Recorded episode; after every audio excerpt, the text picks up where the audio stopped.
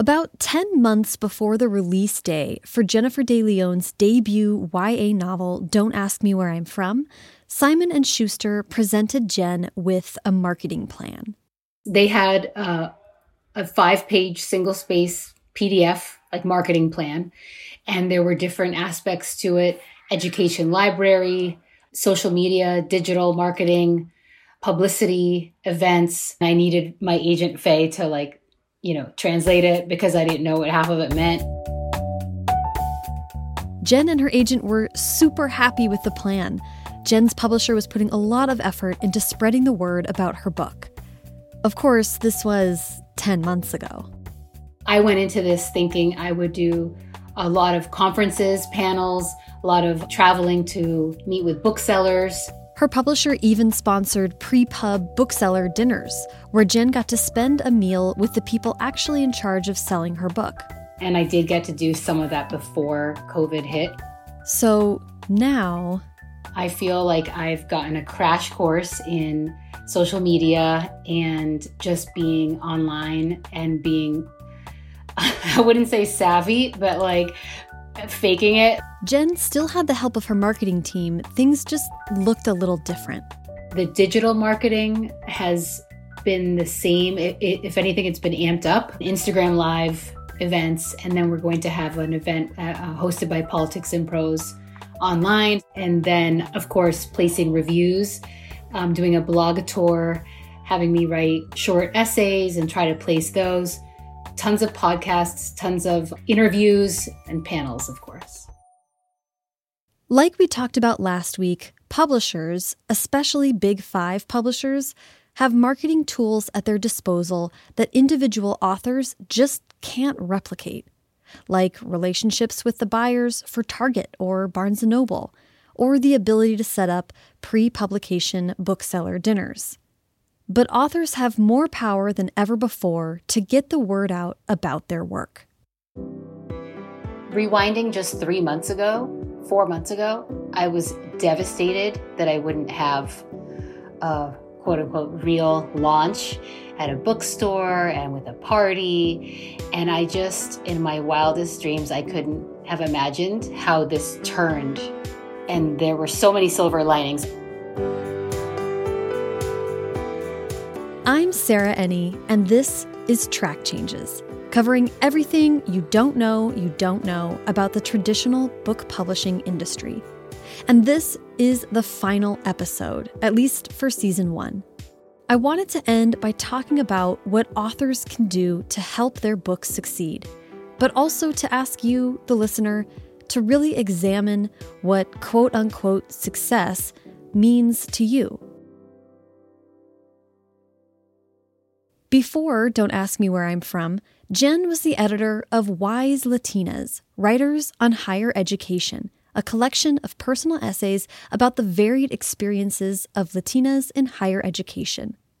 That book was published with the University of Nebraska Press in 2014, and Jen held down a lot of the marketing on her own. Jen has been a longtime member of Grub Street, a creative writing center in Boston. And at the time, they were offering a months long program that helped writers create marketing and promotion plans based on what's called the logic model. It's basically a way of thinking about your book launch in this case um, and how you want to define success what it will look like, mm. what it will look like to get there, and then like what steps you need to, to take to, to get there.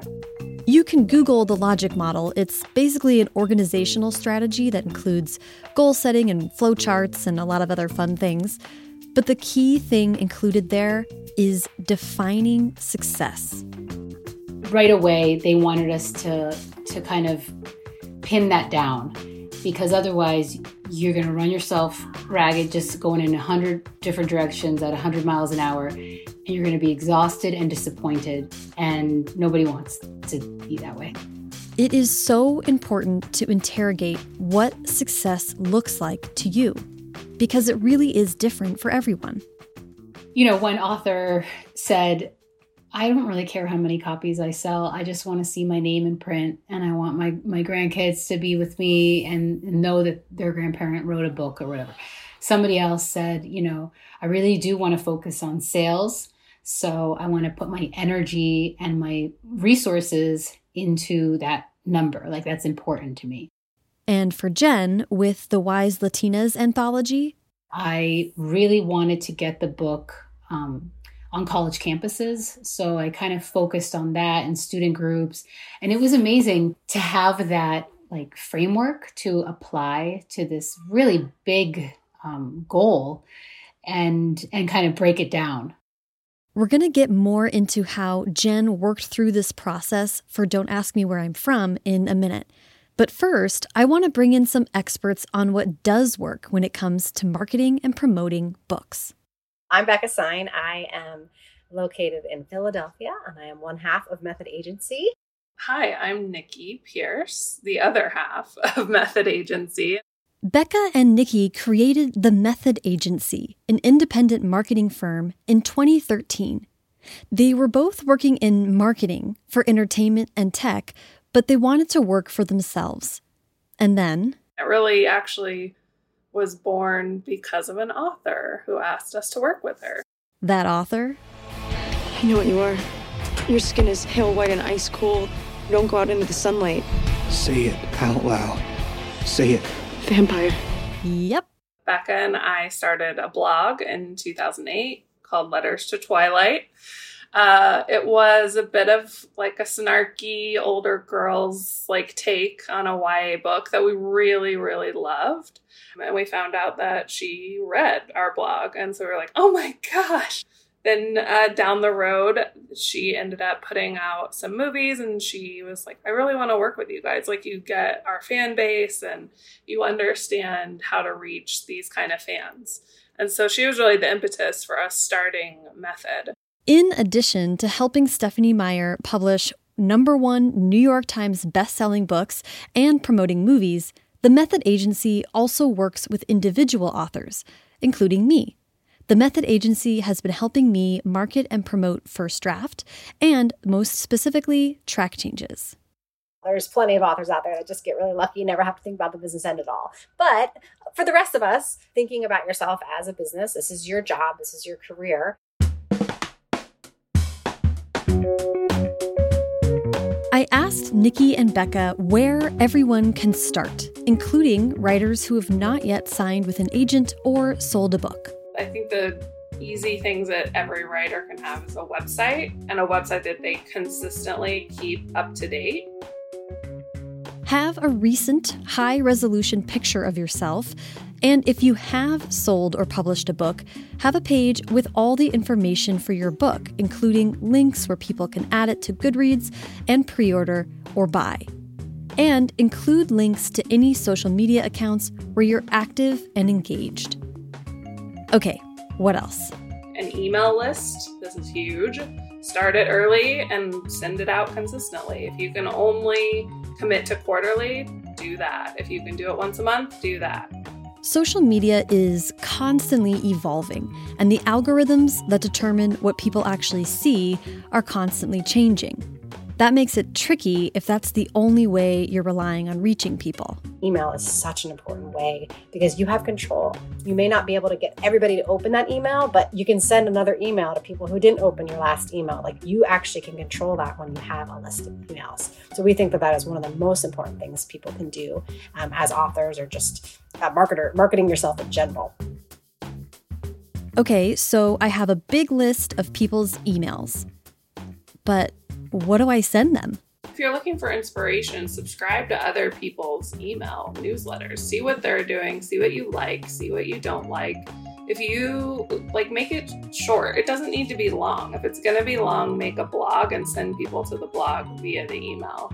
And when it comes to social media, more important than being on every service imaginable is do it consistently. That's going to be the word that we use like all the time with clients is just be consistent. If you can only do Instagram, that's great. You should be doing Instagram all the time. But if you can do that and Twitter, do that too.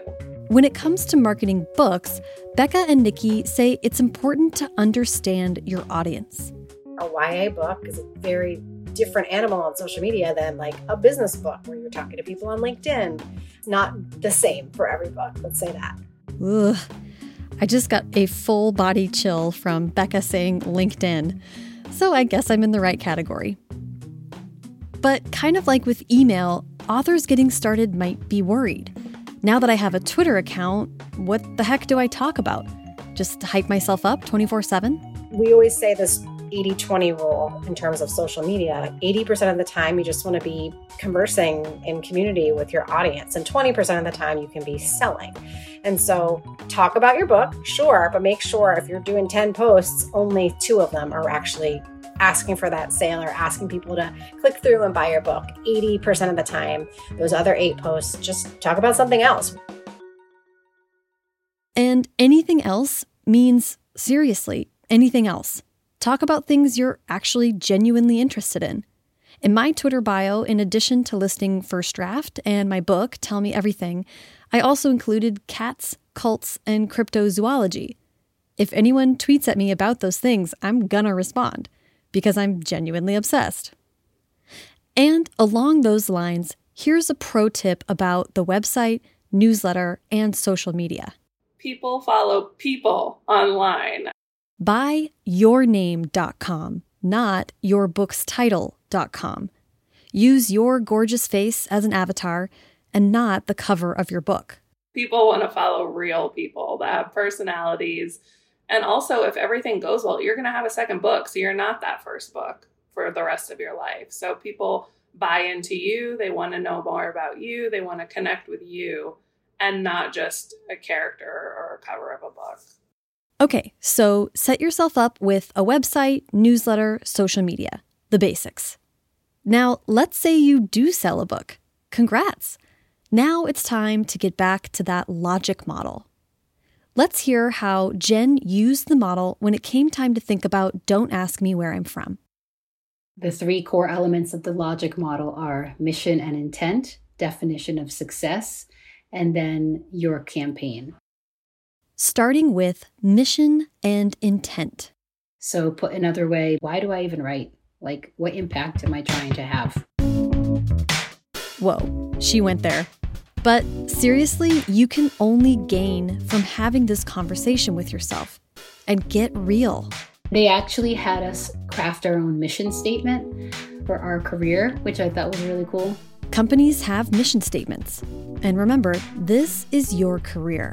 For mission and intent, you know, there are quantitative outcomes like book sales, assigned essays, another book deal, maybe even job opportunities, distribution. There's also impact that you can influence, like you can entertain and educate, change someone's thinking, influence them. Those are the qualitative, I guess, like you can't really quantify those. When Jen considered these questions for Don't Ask Me Where I'm From, it was tough at first. You know, it's it's just there's so many directions to go in. Politics, immigration, segregation, education, METCO. I mean, there, there's like feminism. There's so many themes in the book. But ultimately, Jen chose the direction that was most important for her. I just really want to focus on getting this to teachers because they will get it to students. And that's what I really care about. Awesome. Mission and intent, check. So, what's next in the logic model? definition of success. What outcomes am I after? How will I know that I'm successful? How will I measure them? If you just sold a book, it's time to sit down with pen and paper and get serious about goal setting. Here's Bekah. Your book is 18 months out. Like, put everything down on a list of all the things you could potentially do, all your huge, grandiose goals. And then revisit it in a couple days and try to pare that down to something a little more realistic, something you feel like you can actually tackle over the next year leading up to the book. And when it comes to this step, granularity is key. We love goal setting. figure out what are those goals this year? Do I want to sell 5,000 books? Do I want to sell 25,000? Like figure out whatever that number is. Like if you're increasing your email list by how many people and within what timeline. So figure out very specific goals and then give yourself workable goals you know, break them up quarterly. I'm going to do these six things that are going to contribute to getting more email newsletters. Timelines, quantitative data.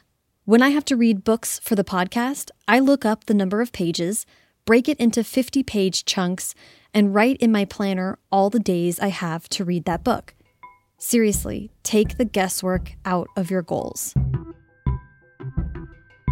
That being said, now is also the time to think about the bigger picture by considering expanding definitions of success, which I actually think is really important because book sales, like review, like I feel like these, you can't control those as much.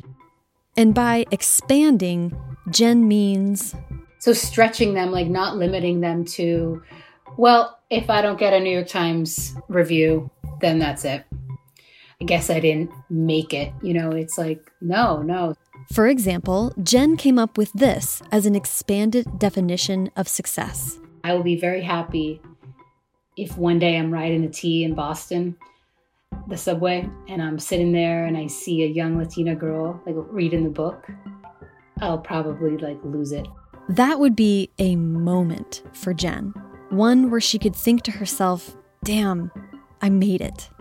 Things like that, I think, are what are just as important to to hold up than you know number of sales and everything. Okay, you have your mission and intent, you have your definitions of success broken into measurable steps, and you've considered expanded definitions of success too. Now, time to put together your campaign. Just thinking about are you trying to connect with other readers, other authors, expand your network? Are you looking for recognition? Are you just looking to learn and enjoy? And then that'll determine your campaign. Start formulating your campaign by examining your inputs. Inputs your time, your networks, money, consultants, including maybe another publicist or a publicist if you don't have one already. For Jen, with Don't Ask Me Where I'm From, her inputs included the community of writers that she had built at Grub Street, as well as her writing group, the Chunky Monkeys. It also included Teach for America, a program Jen participated in when she was younger. And of course, Jen's input included a robust plan with her publisher's marketing team. Nikki and Bekah recommend every author reach out to the marketing department at their publisher to get some basic info and make sure that the marketing department puts a voice or a face to your name. Here's Nikki. I think getting with your publisher too, with the marketing people, like, hey, who's going to be marketing this? Can I just like have a very quick, like 10 minutes with you to just get a timeline and to figure out what those big dates are coming forward and how you can support them? We went over this the last episode, but the marketing teams in publishing houses are overworked. So make sure you're approaching them respectfully and always leading with the fact that you want to help and contribute as much as is feasible for you. Okay, so in Jen's case, she had decided that students and teachers were her primary target. So she went about creating a plan that centered on those audiences. I did some research, I took notes. Um, I kind of looked at like other authors who I think are successful in this vein, and I'm like, what are they doing? She learned about the We Are Kidlit Collective, a group that works to get books written by and about Indigenous people and people of color into classrooms. And Teach for America was thrilled to hear from Jen and did a lot to help its members learn about her book, including Don't Ask Me Where I'm From in book clubs with teachers and profiling Jen in the Alumni magazine with event planning, you know, I, I, thought, okay, let's have an event that's marketed towards teachers because bookstore events are usually targeted towards a general readership. But in this case, I felt like let's do something different, you know, and if we market it towards teachers, we can do giveaways and then um, email all the participants, you know, the reader's guide and maybe like raffle off like a Zoom session with their classroom. And for her launch, I always knew I wanted to have a launch, even if it was online and all of that, and be in conversation with Celeste Ng. And once we were starting to plan that, I thought I really wanted to use that launch as an occasion to get books in the hands of, of kids. And so we're using the launch as a fundraiser to raise donations of the book for every ninth grader at this one high school in Boston. So I feel like, yeah, there is some nice synergy uh, around like the events I'm doing. Since Jen knew what success looked like for her, her marketing strategy was distinctively targeted, which gave her more focus and control and made her book event really stand out. And as a nice bonus, doing all that thinking, planning, and prioritizing ahead of time helped Jen keep perspective and take care of her mental health throughout her launch. There are so many ways to feel like unsuccessful in the writing world, and like it's horrible, but it's true. Um, so it's important to front load and have your your own metrics, you know, ahead of all the ones that the world's going to just spit at you anyway. Some other tips to consider when thinking about your marketing strategy know your peers. Some of the best people to connect with are authors who are at a similar stage of the journey. So, let's say you sold your book tomorrow. You'd most likely be a 2022 debut. Find out if there's a group for 2022 debuts. I'm sure there is. They probably will have a Facebook group or a Slack or a Discord that you can join and you can ask your agent if they have other clients who are publishing on your timeline. Follow them on all the things, and if appropriate, reach out. Find out who else is coming out and follow them. Start conversing with them because I think authors can be each other's best cheerleaders. And so you're going to have this community of people all publishing around the same time. It's new friends that you can really just go to for support and people to really blast out exciting things about your book when it comes time. And if you're thinking, but aren't authors who publish at the same time as me my competitors? That isn't really the vibe. I think, unlike any other community that we've worked in or any other industry, authors love to support other authors. And you don't see that for most other businesses. So get in there and be authentic, be a real person, and support them. This is also a great time to start checking out and following bookstagrammers, people with podcasts about books and writing, booktubers, editors, agents, book reviewers, people in the book community whose content or just general attitude you connect with, and engage. You don't want to come to them a week or two before your book's coming out and just beg them to do something. If you're building a relationship that's authentic 18 months in advance, they're going to be way more open to answering your email or retweeting something when it really matters. Another thing, Nikki says don't be afraid to advertise. Don't be scared of advertising. it's not bad. It doesn't look bad on you that you're using advertising to grow a following. You're just finding people that would be the perfect audience. So even if it's $20, spend it and don't think it's weird to do that. So, if you've got a really great post up on Instagram that you want more eyes on, put some dollars behind it. And Nikki and Bekah suggest that instead of making ads through your phone on the app, use Facebook's browser tool called Ads Manager. And that's where it gets a little more complicated, but you're going to have a lot more control and you're going to be able to target an audience of potential readers a lot more if you can learn a little bit about the basics of Ads Manager, you can take $50 and get more eyes on a really cool post you did about your upcoming book. Another tip think local. Your publisher is going to be thinking about your book on a broad, national scale.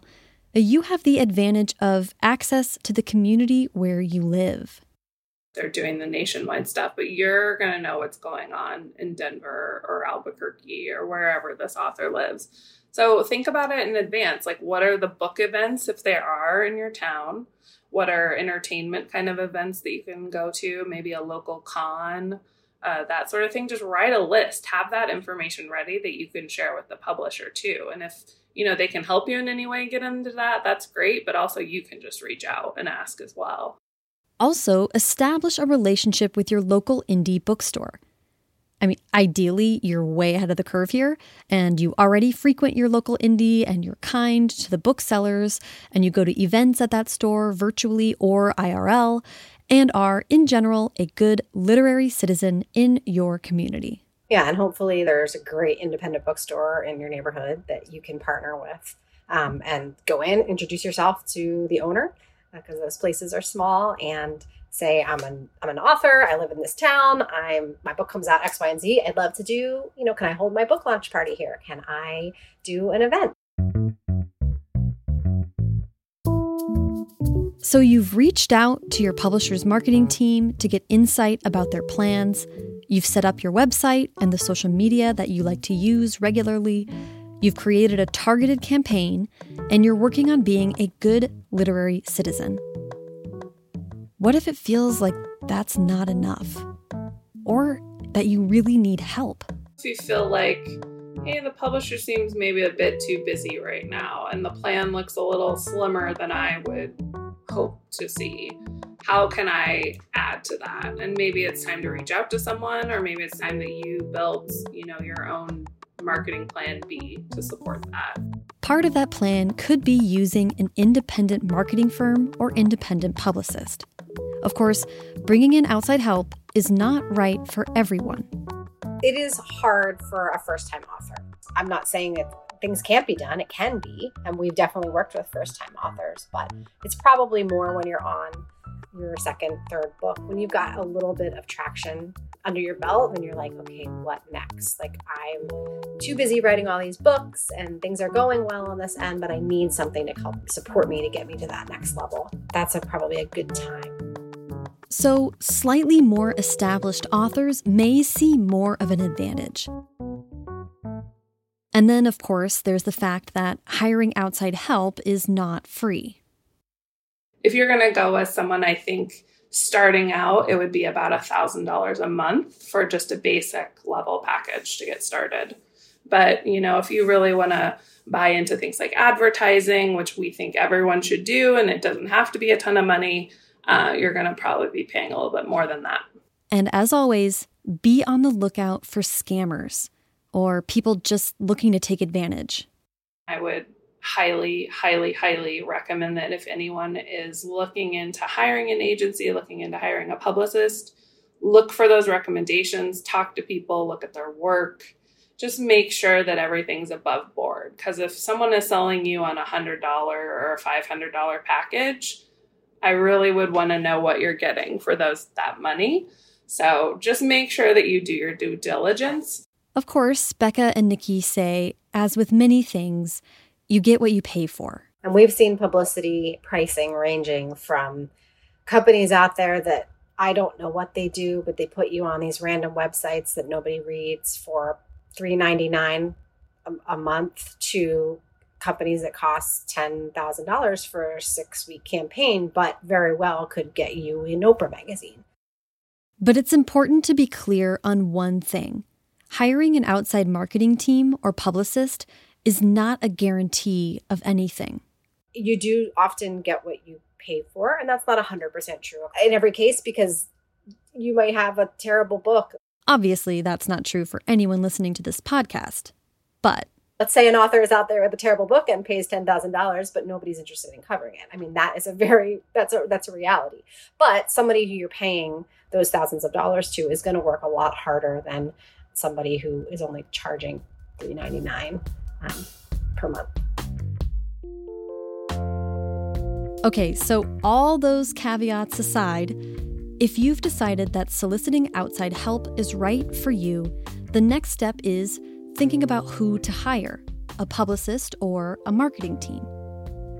Nikki says figuring out if you need one or the other and when you need one or the other might come down to your timeline and your objective.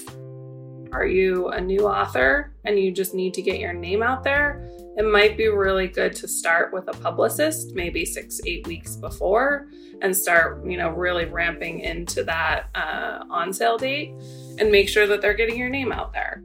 But if you want to work with a marketing agency, you need to be looking into that much earlier. You need to work with a marketing team before that to really get the plan in place. They're going to create a strategy for you, and either they execute on that strategy or they create it for you and then you execute on it. For the Method Agency, Bekah says their ideal timeline is probably at minimum three months before release date so that we can make sure there's a plan that we're um, starting to ramp up. If you're just looking to hire somebody for a short time, I would say like a three to six month plan, maybe starting with four to three months before and then going, you know, a month to two after release to really wrap things up. And if you do hire outside help, don't keep that a secret from your publisher's marketing team. Make it clear that you've hired someone and who they are.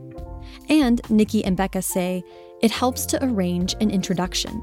We like to go in uh, to that and ask an author, hey, will you set up an email and just introduce us so that we can all talk together? Uh, and we will respond to that and say, hey, we're working on a plan to support you. Uh, so it's just making sure that they know, you know, we're not taking over anything. We're not there to do what they're supposed to be doing. We're there to fill in in the gaps. Last thing, after you put in all this work, don't pull a disappearing act. In between book titles, like take a break. Your book came out, you did a good job, take a little rest, but then don't go quiet for the next two years while you work on the next book. Like still market yourself, still build yourself up as an author, even if you're not actively talking about a book. That's super important because we see kind of often somebody who did something, was involved with their book, and then went quiet for years, has another book, and suddenly they're they're scrambling to get back into it. And that's just not how it's gonna it should work. Really just continue to be involved, even if you're not actively promoting a book. Okay, after so many months and so many episodes, we can finally check in with Jenn, who on August 18th officially released Don't Ask Me Where I'm From. While she was fresh off this momentous occasion, I asked her to share how the day went. I had so many emotions. I was um, I was excited, but I was also like anxious. I wanted immediately the book to do well, even though it had been out for like hours at that point. You know, and then I felt already oddly anticipating mourning it, like that it's going to be over. Like, and then now what kind of feeling? There are so, so many feelings that come along with putting a book into the world, especially that first book.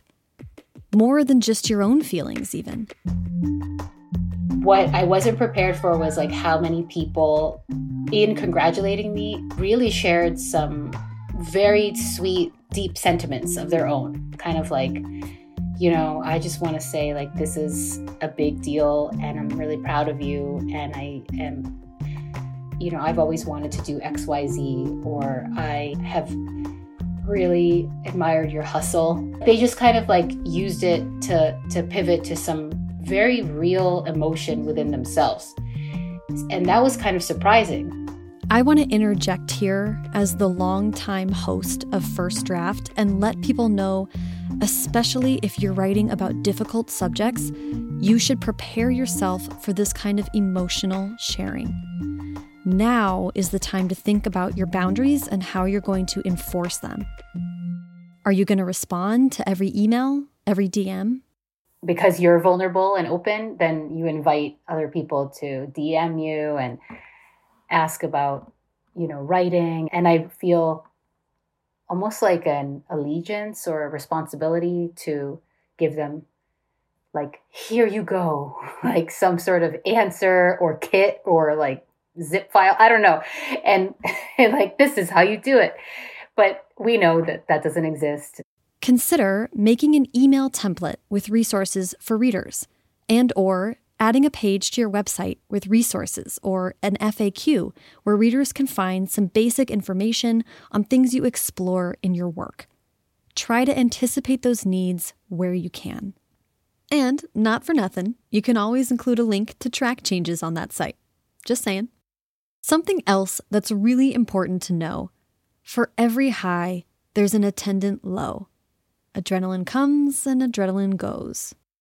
I definitely felt the letdown. Like, you know, I went to sleep that night and then the next morning I had that feeling like, oh, it's over. And if you're anything like Jenn or I, you might be dogged by worries once the joy of the day has passed. One thing that always makes me cringe is like feeling at the same time that I feel like I'm not doing enough, I have this feeling of, oh God, am I that person on social media who is posting too much or being like me, me, me, me? It's such a tough balance. It's like a tightrope because you want to be that confident, like author girl, you know, who's like, yeah, my book, and show young people, like, yeah, be proud of your accomplishments. But then you don't want to be too kind of loud. It I hate that I'm even saying that, but it's it's true. That's how I felt. And Jenn has noticed something a little emotionally difficult that is specific to a virtual debut experience.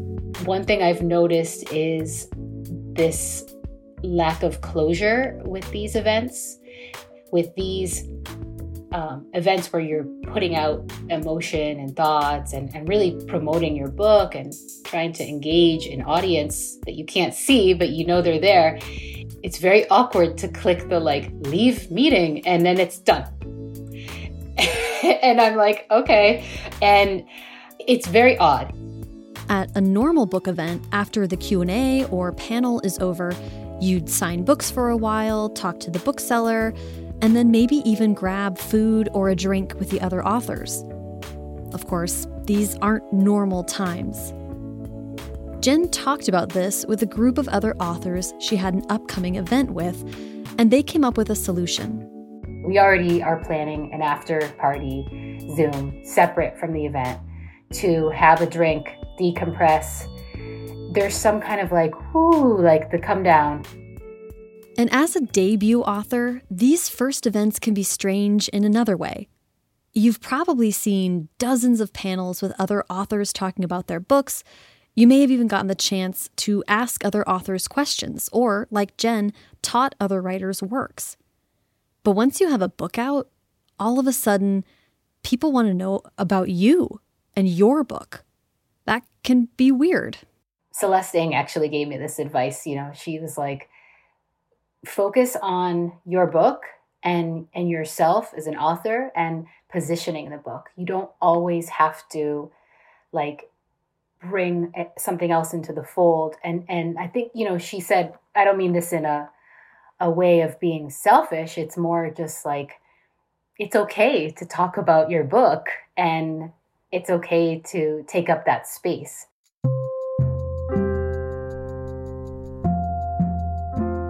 Okay, this episode has been a lot of focus on how you can work your butt off to promote one book. But the intent of this series is to set writers up to think past one book, further out to a career. So I want to end on a bigger note broader goals. What does success, sustainable success, look like to you?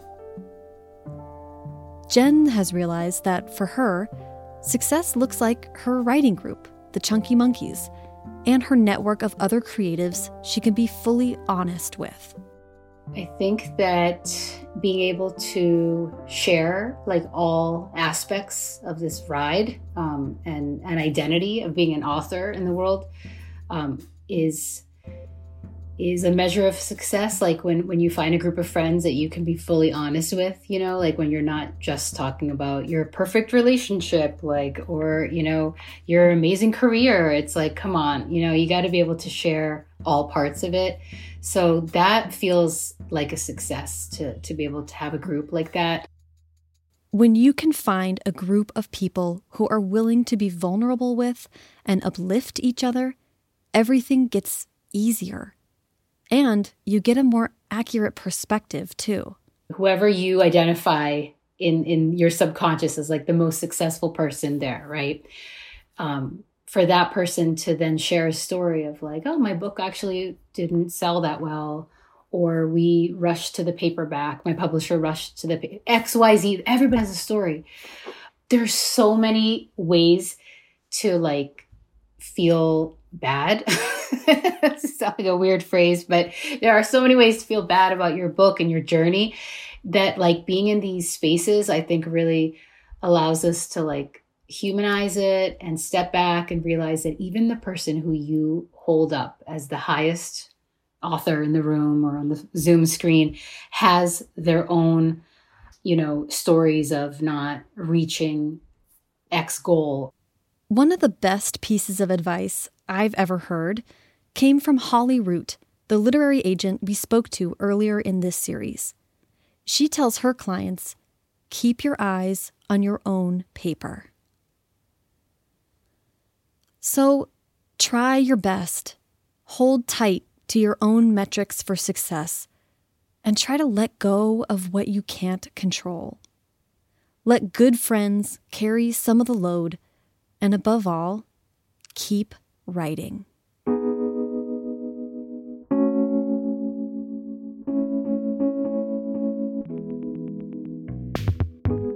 Um, wow. I can't believe that this wild hair I had in the fall of 2019 has taken a full year and become a real thing that people can listen to. There are so many people to thank, but I want to shout out one woman in particular. I can't imagine going through this without you, without first draft, without track changes. Likewise, Jennifer de Leon. Everyone listening has benefited from Jenn's willingness to be vulnerable, honest, and generous with her time. Please buy Don't Ask Me Where I'm From and stay tuned because Jenn is a force of nature and she's going to be writing books for decades to come. The other woman who deserves a lion's share of thanks is Haley Hirschman who's been a producer with me on First Draft for years and who guided track changes from a scattershot whiteboard of ideas into the comprehensive, beautiful sounding series that you've been enjoying. I say it every week in the credits and I mean it every time. Thank you, Haley. I'm so grateful to everyone whose voice has appeared on this series and many more, including Zan Romanoff, Julie Anderson, Callie Wright, Courtney Summers, Veronica Roth, Samaya Daoud, Maureen Goo, Derek Tsai, and everyone whose behind the scenes encouragement made it possible for me to keep going.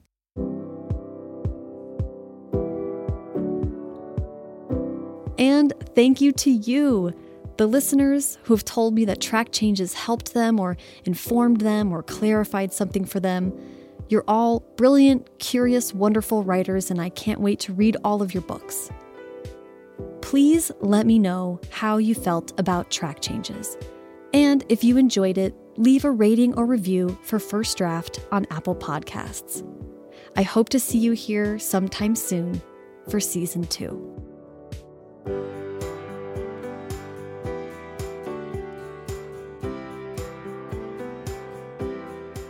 Learn more about Method Agency at methodagency.com. You can follow Jennifer de Leon at jenniferdeleonauthor.com. And you can follow me at Sarah Enni on Twitter, Instagram, and everywhere. Follow at First Draft Pod on Twitter and Instagram, and head to firstdraftpod.com slash track changes for more information and updates on track changes. And check out the First Draft Facebook group to join the discussion. If you want an even deeper understanding of the publishing process and you're looking for some more original reporting from me, sign up for the Track Changes newsletter. For $5 a month, Track Changes will hit your inbox every Thursday with information to provide context, up to date, and behind the scenes data that will educate and empower you no matter what stage of the publishing journey you're at. Sign up at firstdraftpod.com slash track changes. Track Changes is produced by me, Sarah Enni, and Haley Hirschman. Zan Romanoff is our story editor. The theme music is by Dan Bailey, and the logo was designed by Colin Keith.